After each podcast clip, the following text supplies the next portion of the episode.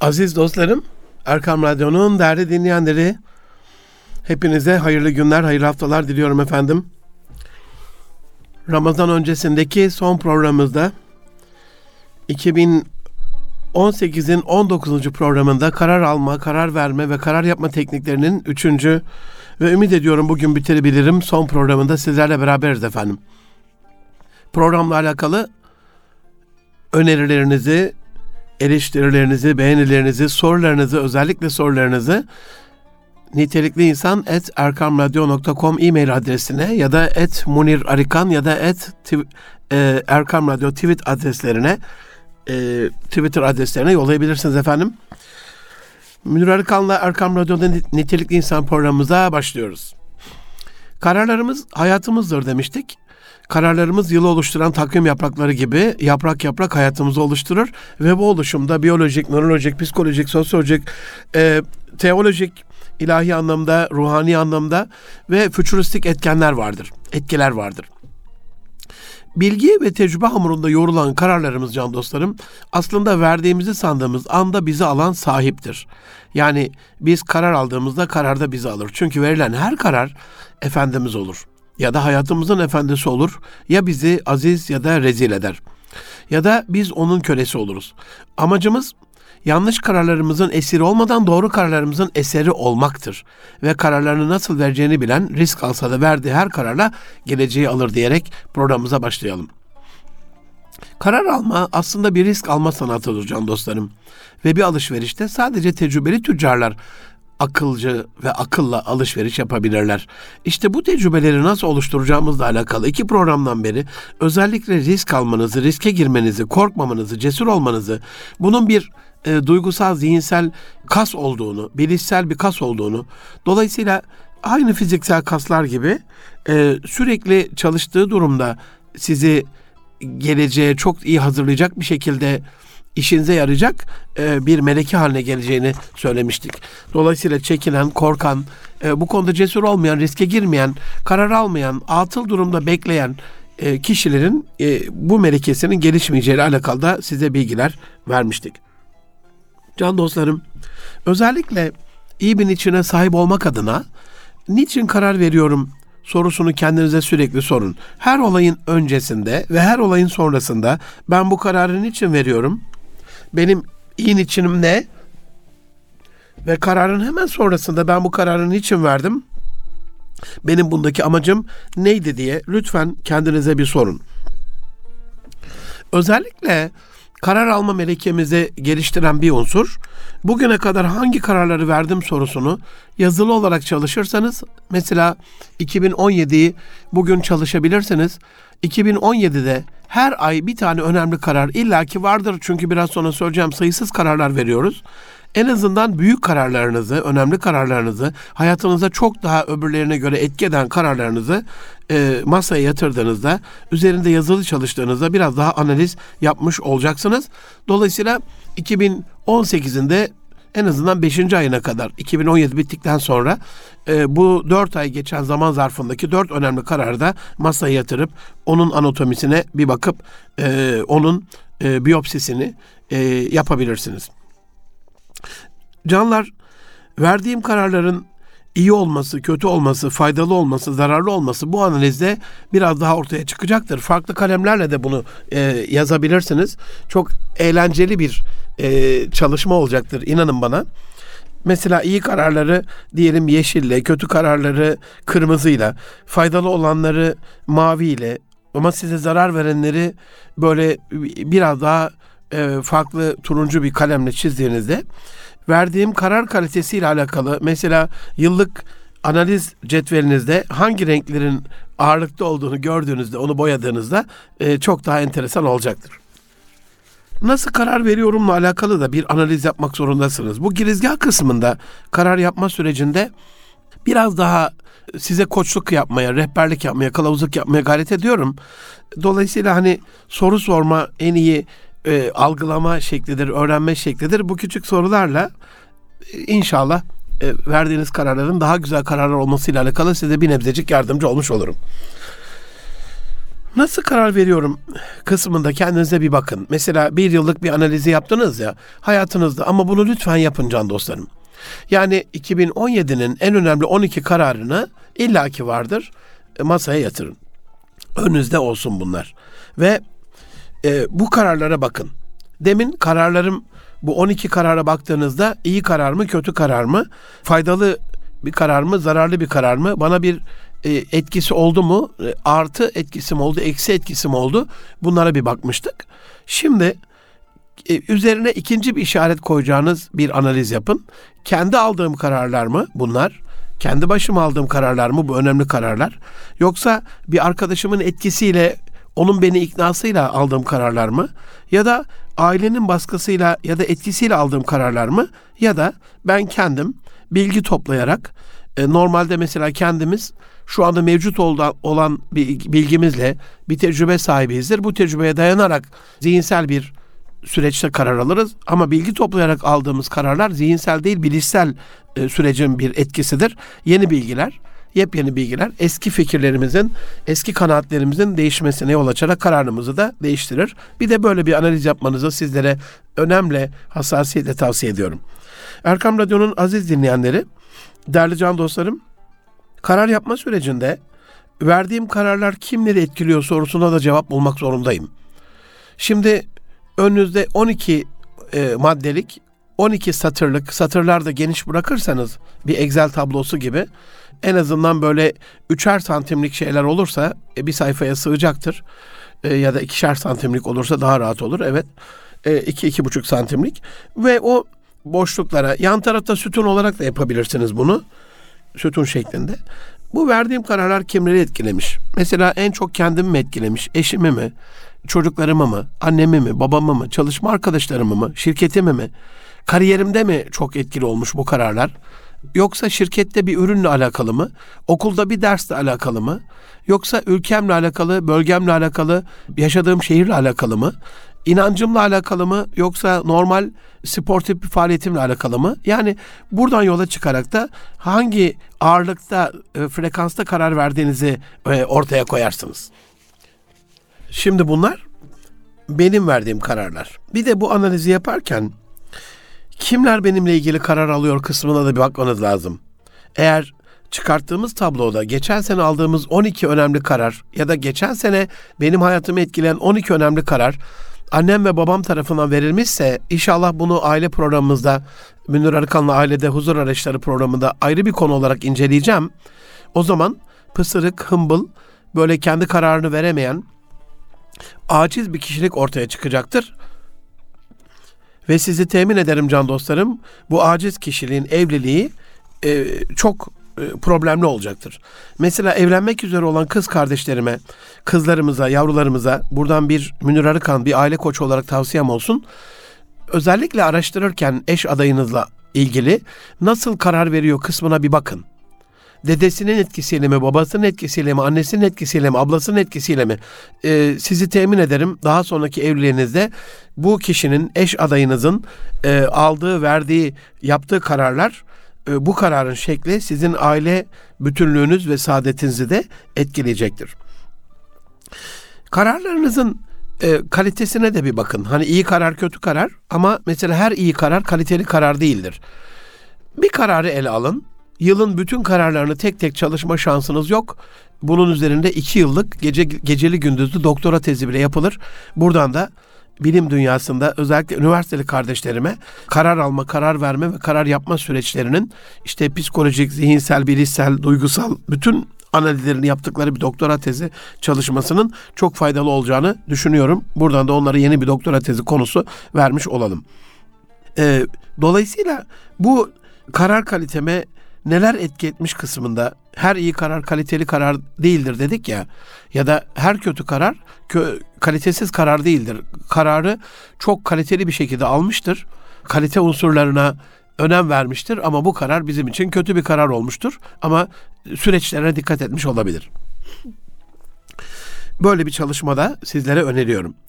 Karar kaliteme neler etki etmiş kısmını yaptıktan sonra bir şey öğrenmiş oluyoruz. Demek ki benim geçmişte aldığım 2017'deki kararlarıma şu şu şu unsurlar etki etmiş. O zaman şu anda benim 2018'de alakalı vereceğim kararlara neler etki edebilir konusunda da bir çalışma yapıp bir öngörüde bulunmam lazım ki bir daha olumsuz bir etkiler varsa bundan kurtulmam lazım aynı riski iki defa alanın aptal olması gibi böyle bir fıkra var biliyorsunuz. Bir müsait vakitte anlatırım. Aynı risk iki defa alınmaz demişti ODTÜ'de bir hocamız. Dolayısıyla bunu da ortaya koymuş olalım. Karar kalitemi artırmak için ne yapmalıyım sorusu da önemli bir soru. Şimdi bir analiz yaptınız, bir check-up yaptınız. Bu analizin sonucunda sizin raporunuz çıktı, karar raporunuz çıktı ve buraya baktınız ki ön hazırlık süreci yok, yeterli bilgi sahibi olmuyorsunuz. Bunları örnek olarak veriyorum. Ya da bilişsel ağırlıktan ziyade yeni bilgi toplama ve arge yapmadan ziyade bir arkadaşa güvenerek bu konuda ne yapayım diye söylüyorsunuz. Diyelim bu finansal bir karar olsun ee, ve o arkadaşınız da işte altın al diyor bir bakıyorsunuz altın düşmüş dolar yükselmiş ya da dolar al diyor bir bakmışsınız euro yükselmiş dolar düşmüş ya da ya işte şöyle bir şey yaptı. İlla parasal bir şey demek değil.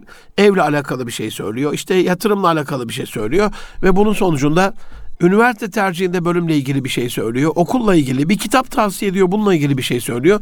Ve verilen kararların sonucunda bakıyorsunuz bu kararların kalitesi eğer biraz daha arge yapabilirsem artırılabilir ya da hep argeye dayalıyorum ama at gözlüğüyle baktığım için geniş açıdan bakamadığım için yeterli yeni bilgiye alternatif alternatif bilgiye ulaşamıyorum. O zaman biraz daha istişare ederek karar almam gerekecektir.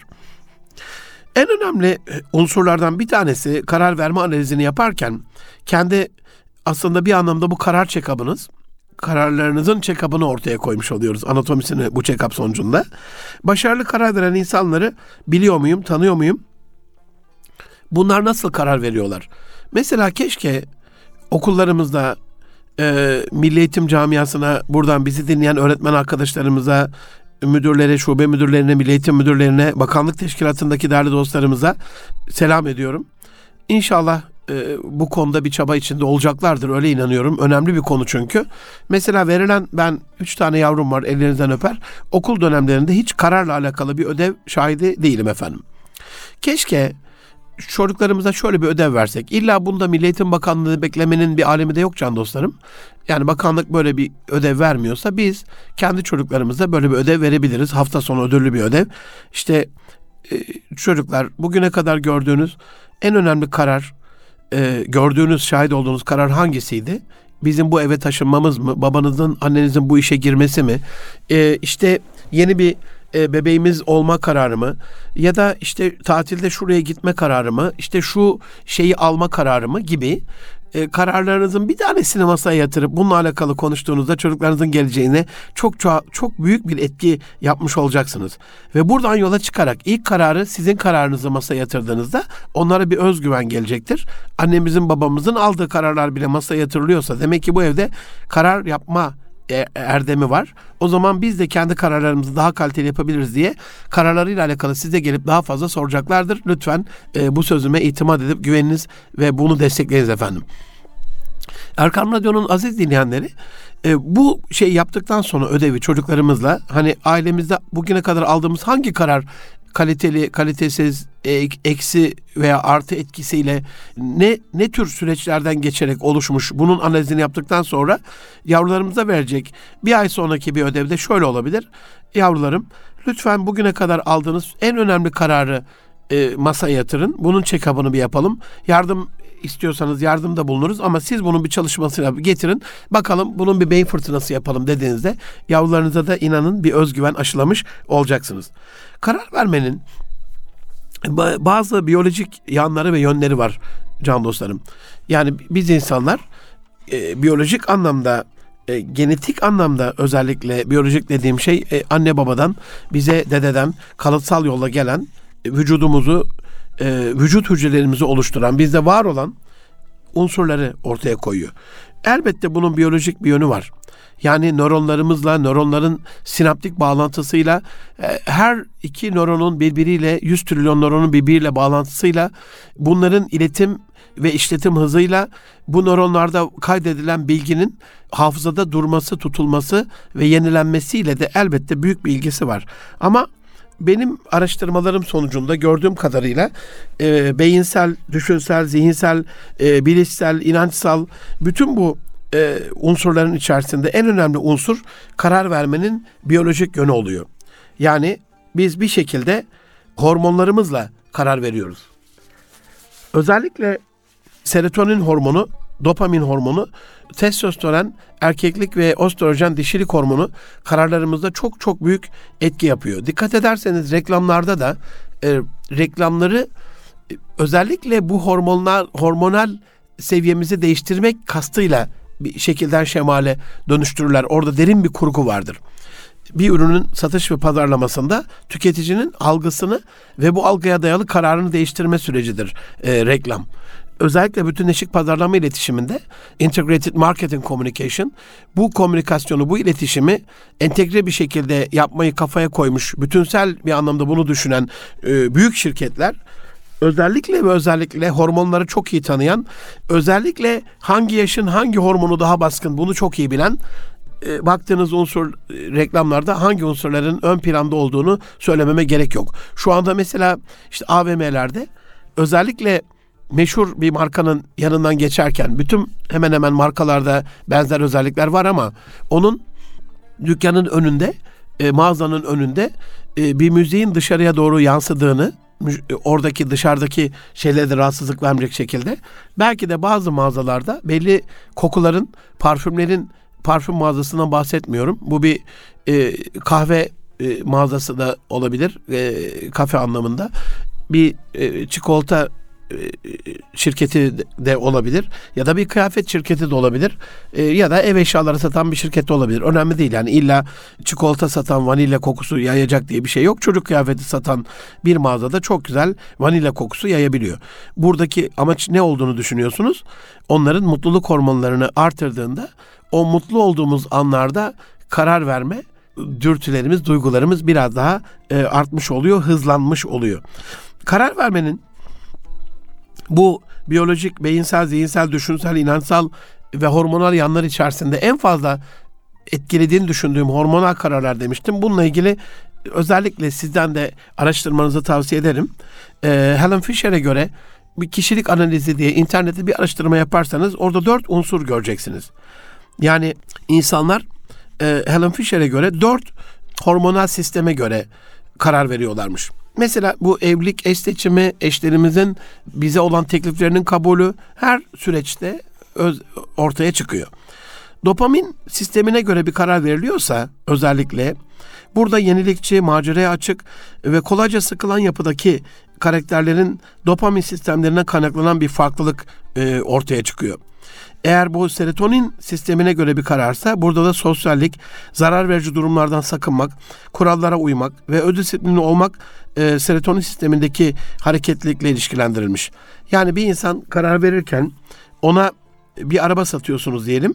Bu arabanın daha güvenli olduğuyla alakalı bir şey söylediğinizde serotonin hormonu yoğun olan, buna göre karar veren insanın karar vermesi, o arabayı alması e, çok daha farklı olacak. Ama dopamin sistemine göre e, maceraya açık kişilere böyle bir araba satarken güvenli olsun olmasın o zaten maceracıdır. Hızlı gitsin yeter. Hız ağırlıklı bir satış ya da onun o duygusu yenilikçi bir şeyse arabada şu şu şu hiç şu ana kadar olmayan atıyorum mesela işte güneş enerjili bir e, çevreyi kirletmeyen bir yakıt dediğinizde onun bu arabanın hızına, kalitesine, güvenliğine çok da elbette bir miktar bakılacaktır ama baskın olarak bu, bu özelliğe e, bakacağını düşünüyorum. Aziz dostlarım, Üçüncü olarak Helen Fisher'e göre e, testosteron yani erkeklik hormonuyla alakalı kararlarımızda bu erkeklik hormonu baskın e, kişilerin testosteron hormonu ağırlıklı kararlarında bunları direktör olarak adlandırıyor Helen Fisher. Sosyal farkındalık ve duyguları tanıma bakımından zayıf kalıyorlar. E, ama direktörler özgüveni yüksek işte e, ad üstünde direktör oldukça yüksek hem de ısrarcı ve duygularını kontrol edebilen kişiler onun için de kolay lider ve yönetici olabiliyorlar. Ve son olarak östrojen sisteme sahip kişiler bu hormon ağırlıklı düşünen ve bu karar veren kişiler bütünsel düşünme tarzıyla e, dilsel becerileri çok gelişmiş, anlaşılabilirliğe çok önem veren, dolayısıyla konuşma arzusuyla yanıp tutuşan, empati kurma kabiliyeti olan e, şeylerde, kararlarda östrojen hormonal hareketlikle bağdaştırılmış. E, aziz dostlarım, karar vermeye bizi neyin zorladığıyla alakalı bir sebep analizi de yapmamız gerekiyor. Niçin karar vermeliyim? Ya da niçin karar vermeli, vermemeliyim? Karar vermezsem ne olur? Artı eksi, olumlu olumsuz kararlarımızın bir maliyet analizini çıkartmamız lazım. Özellikle biz kararlarımızın neye mal olduğunu bilmediğimiz için mesela işte üniversite e, sınavlarına yaklaşıyoruz gittikçe bir buçuk aylık bir zaman dilimi kaldı. Bütün yavrularımıza gönüllerince huzurlu, sevecekleri bir işte büyük başarılar diliyorum inşallah. Ama yavrularımız hangi bölümü seçmelerinin hayatlarını nasıl etkileyeceğiyle alakalı. Dolayısıyla o işareti yapma kararlarının hayatlarını nasıl etkileyeceğiyle alakalı inanın bilgi sahibi değiller. E, aile koçluğu tecrübemden de biliyorum ki maalesef işte böyle olduğu için eşte de böyleler. Hangi seçi, eşi seçtiklerinde hayatlarının bundan sonraki döneminde nasıl büyük bir yanılgı, yıkım ya da iyilik, ferahlık, güzellik olacağıyla alakalı da bilgi sahibi değiller. Umarım bu konuda bir uyanışa programımız vesile olur. Karar verme bir risk alma sanatıdır can dostlarım. Dolayısıyla her karar belli bir riski almayı içinde barındırır. Ama sadece unutmayın bilgi ve hazırlıklı insanlar riski ve dezavantajı avantaja dönüştüren insanlardır. Mesela bir düşünün Tarık Bin Ziyad'ın Endülüs seferinde gemileri yaktırma kararını. Yani Afrika'dan e, İspanya'ya geçmişsiniz. Bir düşünün hani e, 1450 yılları Avrupa'nın oradaki durumunu, o savaşçı kararını, dönemini, o yıkımları düşünün, işte ölümleri düşünün, e, salgın hastalıkları düşünün. Yani şu andaki gibi uydudan e, fotoğraf alıp ilerleyemiyorsunuz ya da görüntü alıp İHA'dan SİHA'dan bakamıyorsunuz. Böyle bir durumunuz yok. Ne kadar büyük bir risk bir kere Akdeniz'e açılmak şu anda görüyorsunuz. Göçmen e, taşıyan kaçak gemilerin dün de bir 97 kişiyi kurtulmuş kurtarılmış son anda e, Libya'dan İtalya'ya giden, gitmeye çalışan. Dolayısıyla zaten Akdeniz'in dalgaları belli bir risk başlı başına ama ne demiştim? İnançsal, hormonal, zihinsel, bilişsel, düşünsel işte buradaki inanç e, ağırlıklı bir şey, düşünce sistemi karar almanızı etkiliyorsa o inançtan dönmek yok, ölmek var, dönmek yok. E, bunun olması için de ola ki askerlerinin aklına bir olumsuzluk gelir. E, oradaki zorluğu gördüklerinde düşman diyelim çok büyük. E biz bir milyonluk e, Haçlı ordusunu e, 50 bin kişilik e, Alparslan'ın kuvvetleriyle yenen bir milletiz. Dolayısıyla hiç önemli değil. Yeter ki bir azim olsun, benim iman dolu göğsüm gibi seradim var diyebilsin insanlar.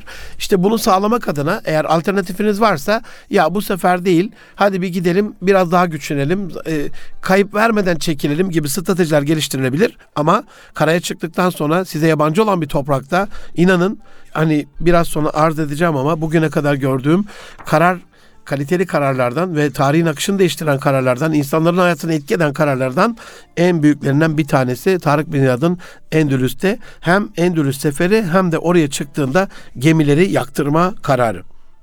Aziz dostlarım, dünya tarihinde şöyle bir e, analiz yaptığımda, şöyle bir e, tarama yaptığımda mesela Marco Polo'nun Hindistan'a gidiş kararına bakıyorum.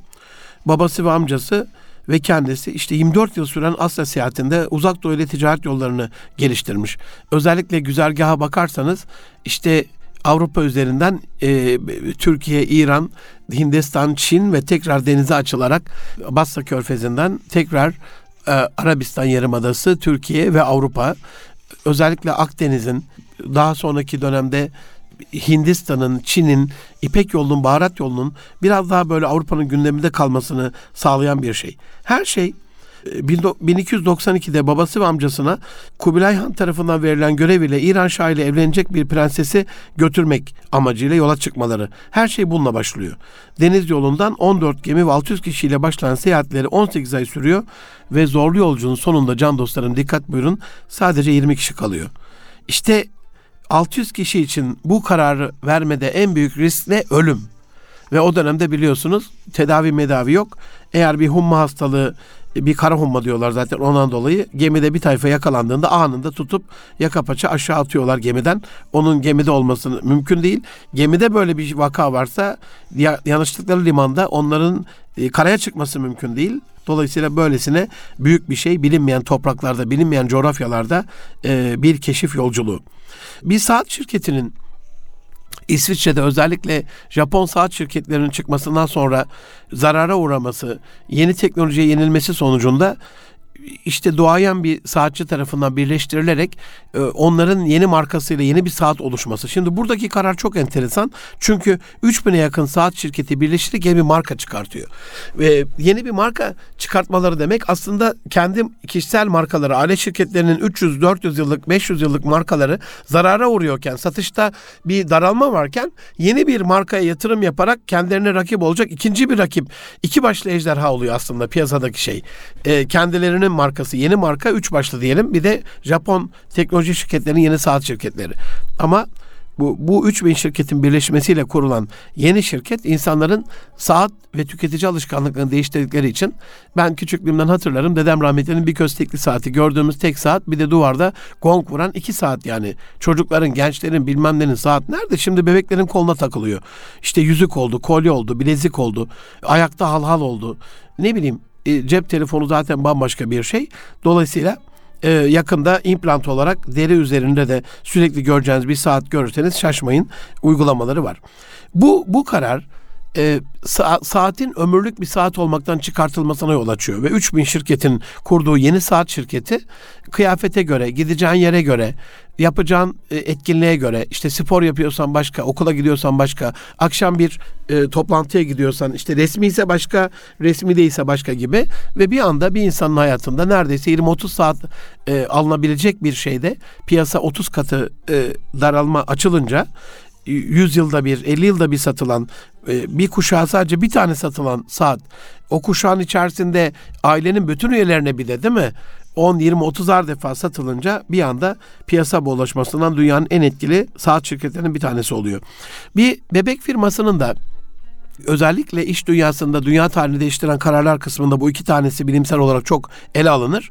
Normalde düşünün hani çocukluğumuzda biz de oynamışızdır ama inanın ya bez bebekler vardı ablalarımızın e, ya da işte oyuncak olarak alınan e, bir bebek vardı. Bunun da şimdiki gibi güleni, ağlayanı, konuşanı yoktu. Bir konuşmasını playback olarak biz yapardık. Dolayısıyla kuzenlerle, aile içerisinde akrabalarla bir oyun oynarken erkek olarak bizim elimize de bir e, kız bebek tutuşturulurdu. Çünkü erkek bebek yoktu. İşte bu bebek şirketi e, kız bebeğin yanına bir erkek bebekle ekleyerek çocukların kız erkek e, farkındalığının artmasında, kişiliğinin gelişmesinde e, kişilik tabii orada bir soru işareti. Ne tür bir kişilik empoze ediyorlar o oyuncaklarla? Orada bir soru işaretim var ama kültür emperyalizmine karşı bir şey geliştirememiş ve uygarlığımız olarak bir çözüm üretememiş uygarlığımız olarak özellikle kendi oyuncağını geliştiremeyen taklit oyuncaklarla e, çocuk büyüten bir nesil olarak bilmiyorum oradaki soru işaretlerini sizin o değerli gönlünüze arz ediyorum efendim. Amerika'nın Irak'ı işgal etme kararı. Hiç unutmuyorum. Time ve Newsweek dergisi Is it worth to die for Iraq diye manşet atmıştı. Irak için ölmeye değer mi?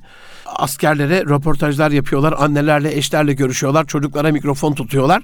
Is it worth to die for Iraq? Irak için ölmeye değer mi? Yani Irak için ölmek. Dying for Iraq. Bir, bir karar verdiler ama. Irak işgal edildi. 10 milyon yakın e, Müslüman kardeşimiz oraya demokrasi getirme e, safsatasıyla şehit edildi. Uydu fotoğraflarına son zamanlarda baktığımda Twitter'da epey bir paylaştım.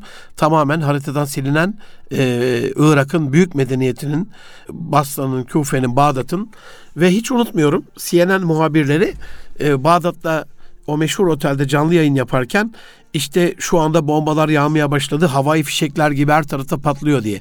Dikkatinizi çekerim.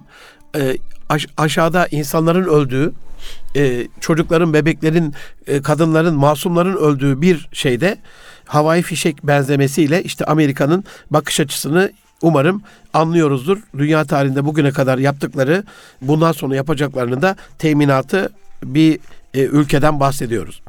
Ama bu ülkede bir, bir şey yapmadan evvel bunun analizini yapıyor. Bir karar vermeden bunun analizini yapıyor kafasına estiği şekliyle davrandığını düşünüyoruz ama altyapısında büyük bir entelijans çalışması, büyük bir arge çalışması, büyük bir saha çalışması olduğuna sizi temin ederim değerli dostlarım. İngiltere'nin Kudüs'ü Osmanlılardan kopartma, oraya el koyma, orada bir Yahudi devleti kurma kararını da e, tarihin akışını değiştiren büyük kararlardan biri olarak görüyorum. Özellikle bu sürecin öncesinde Arabistanlı Lawrence'ın Araplarla Türkleri birbirine düşman etmekle alakalı değil mi? Gelip 16 yıl bir Arap gibi çöllerde tek başına mücadele etmesini ve ondan sonra da bu kutsal coğrafyayı, bu kadim medeniyeti birbirine düşman küçük küçük küçük sahte e, kalem e, devletçiklerine sınırları kalemi çizildiği için kalem devletçiklerine dönüştürme e, kararını da önemsiyorum. Karar bizim için çok kötü bir karar sonuçları itibariyle ama kalitesi itibarıyla çok kaliteli bir karar örneği. Hele uygulanması ve statüsü itibarıyla da modellenebilecek bir karar örneği. Şu anda iki günden beri yüreğimizi acıtan ama Türkiye'de de Sayın Cumhurbaşkanımız ve birkaç bakanımızın dışında maalesef e, Diyanet Teşkilatı'ndan, İmam Hatiplerden, Kur'an kurslarından, sivil toplum örgütlerinden, e, vakıflardan, derneklerden, üniversitelerden özellikle hiçbir sesin çıkmadığı bu meşhum karar, bu rezil karar, eski Cumhurbaşkanı destekli 300 gazetecinin, 300 işte kişinin, gazeteci de var içerisinde, politikacı da var, e, sanatçı kılıklı şarlatanlar da var. Kur'an-ı Kerim'deki bazı ayetlerin işte yok Yahudi karşıtı yok şiddet öneriyor, içeriyor diye çıkartma e, çıkartılmasını isteme densizliğine ne, ne demeli? Bu karar da çok büyük bir karar. Şimdi Sarkozy Fransa'da Cumhurbaşkanlığı yapmış bir insan ama böyle bir karar alıyorsa bilin ki bu Müslümanların uyuşukluğu, hımbıllığı ve pasifliğindendir. Biliyorlar ki e, Türkiye'de de Fransız ürünleriyle alakalı bir boykot olmayacak. Yine onlar bizlere ürünlerini satmaya, yine onlar bizle alakalı kampanyalar yapmaya, yine onlar bizim cebimizden parayı çekmeye çalışacaklardır. Ama sizi temin ederim. Bunu yazmanızı istiyorum can dostlarım. Ben bir kahin ve büyücü değilim ama dünya tarihinin son 100 yılını özellikle batıdaki densizliklerin, ahlaksızların, ahlaksızlıkların aşama aşama nasıl geliştiğini, dönüştüğünü, ondan sonra hayat hayatı bize dar ettiğini İnanın 100 yılını çok iyi analizden bir kardeşiniz olarak bununla alakalı bir kitap çalışmam da var ama hocalarımdan kötülüğü teşvik eder kastıyla yayınlamama izin çıkmadı. Şu anda bekletiyorum ama e, bize bir yaşam alanı hakkı tanımayacak şekilde kötülük büyük bir maya çalınmış şey gibi yayılıyor. Dolayısıyla burada benim gördüğüm bunu yazın dediğim şey şu birkaç yıl içerisinde Türk e, soydaşlarımızın, bizlerin, ilim insanlarının, politikacıların, sanatçıların bu taraflardan ve İslam ülkelerinden kim gidiyorsa yanlarında Kur'an-ı Kerim bulundurmasına izin verilmeyecek bir sürece girmiş bulunuyoruz. Yeterli tepki yapmazsak. Her karar bir etki oluşturuyor. O etkiye bir tepki olarak bir karar, reaksiyon, reaksiyoner bir karar. Ama aksiyonsa çözüm içeren, Kur'an-ı Kerim onlara iyi anlatan, anlatmakla da olmuyor. Kur'an-ı Kerim'in iyi yaşandığı, örnek Müslümanların, iyi Müslümanların olduğu ama en önemlisi iki gündür Şırnak'taydık, Cizre'deydik. Oradaki kardeşlerime de anlattım. Hani kuru kuru boş bir Müslümanlık değil, içeriği ilimle doldurulmuş, çağa meydan okuyan, çağın bütün teknolojik gelişmelerini takip edip yeni buluşlar yapan bir coğrafyanın çocukları olmak Batı'nın bu küstahlığını önleyecektir. Ee, Amerikan Başkanı Trump'ın büyükelçiliklerini Kudüs'e taşıma kararı da yüzyılı en çok etkileyici kararlardan bir tanesidir. Şu anda biz yine farkında değiliz. İşte dün bütün tabelalar Kudüs'te değiştirildi. İngilizce, Arapça, İbranice olarak altyapısı hazırlandı ve bunu bir Ramazan başlangıcına denk düşürmeleri sizce öyle bir rastlantı mı yoksa her yıl Ramazan gelirken Müslümanların başına örülen çorap yukarılardan daha yukarılardan verilen büyük bir kararın tecellisi mi? Ee, bunu sizin o güzel gönlünüze bırakıyorum. Tabi Ramazanlar deyince biz 28 Şubat döneminin çocuklarıyız can dostlarım. Çevik Bil'in 28 Şubat bildiri kararını da başörtüsüyle alakalı üniversitelerdeki ikna odalarının kurulması kararını da özellikle e-muhtaraları da işte imam ilgili e, bu çocuklar girmesin, okumasın, e, onlarla ilgili bir kat sayı koyalım kararını da. E, diplomalarına bunların Kemal Gürüz tarafından e, hiçbir yerde çalışmasınlar. Sadece ilahiyatta çalışılır. Şerhe koyalım İmam Hatip mezunlarının diplomalarına diye. Gayri ahlaki ve gayri insani e, demokrasi dışı e, bir kararı da düşünmenizi istiyorum. Çünkü Ramazan dediğimde benim aklıma hep eski Kava Kuvvet, Kara Kuvvetleri Komutanı Erdal Ceylanoğlu'nun ve onun yandaşı şu anda emekli olan tüm General Yücel Özsır'ın Ankara'da, Sincan'da bir Kudüs kutlaması sonrasında buna misilleme gibi tankları Sincan sokaklarında yürütmesi kararı geliyor. İşte Ali Kalkancı ile işte Fadime Şahin'le televizyonlarda belli kurgularla işte çarşamba cemaatinin içerisinde bir hocamızın şehit edilmesiyle bir şeyler kaşınıyor. Her Ramazan bizle alakalı bir karar veriliyor. Dolayısıyla ben sözü çok da fazla uzatmadan yavaş yavaş programın sonuna geliyorum. Bir, bir hafta daha olacak kararlarımızla alakalı. Hazırlığımın yarısını ancak size sunabildim can dostlarım. Dördüncü bölümde olacak. Bu üçüncü bölümdü. Karar yapma sanatında. Ama özellikle şu zaman Ramazan arifesinde e, kararlarla ilgili epey bir bilgi verdim size. Değerli bir hocam, ilahiyat hocam uyardı beni e, radyodan Münir'cüm. E, hani kader bellidir. Kararlar kaderimizi oluşturmaz gibi ama hani kader konusu çok ayrı bir konu ve ben yine sözümün arkasındayım. Ben kaderimizin özgür irade bizde olduğuna göre, irade cüz'iye bizde olduğuna göre kararlarımızla değişeceğinin değişeceğini düşünüyorum. Bu sözümün arkasındayım. Ee, yoksa cüz'i irade bize verilmezdi ama bunun Allah tarafından bilinmesi, bir kitapta yazılması bizim özgür olmadığımız anlamına gelmiyor. Şu anda karar verme süreciyle alakalı en fazla Batı dünyasında tartışılan şey bu.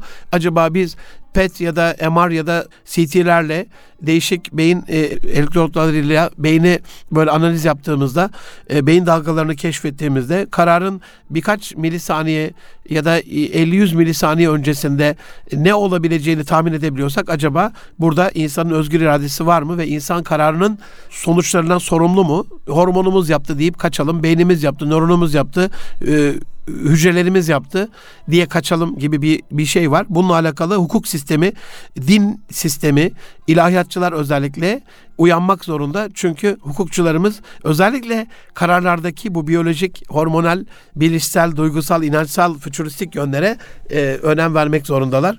Bu Ramazan arifesinde şu ana kadar arz ettiğim üç bölümlük karar yapma sürecini, karar almayı, vermeyi ve karar yapma sürecini açıkladığım e, programın sonunda Sizlere aziz dostlarım özellikle şunu arz etmek istiyorum. Mübarek vakitlere geldik ve her mübarek vakitlere geldiğimizde dışarıdan içimizden olmayan ya da içimizden bazı cahiller bizle alakalı bazı kararlar veriyorlar. Bu mukaddes, mübarek, muazzez vakitleri bizi haram etmekle alakalı sanki verilmiş, birilerine verilmiş sözleri var. Ee, sürekli bir şeyleri kaşıyarak, bizi birbirimize düşürerek, yalan yanlış haberlerle bir e, algı operasyonu yaparak buradaki ruhaniyeti ve huzuru almaya ve çalmaya çalışıyorlar. Benim sizlerden istirhamım biraz daha böyle medyadan uzak, biraz daha etkiden, sosyal medyadan ondan sonra gözden uzak, urak e, ve uzak biraz daha uzlette, inzivada, itikafta yapabildiğimiz kadar e, uhuletle, suhuletle, belli bir ruhaniyetle ama keyifle yaşayacağımız e, bir Ramazan kararı verelim. Ramazanla alakalı biliyorsunuz Ramazan bayramı değildir, Eydül Fıtır'dır.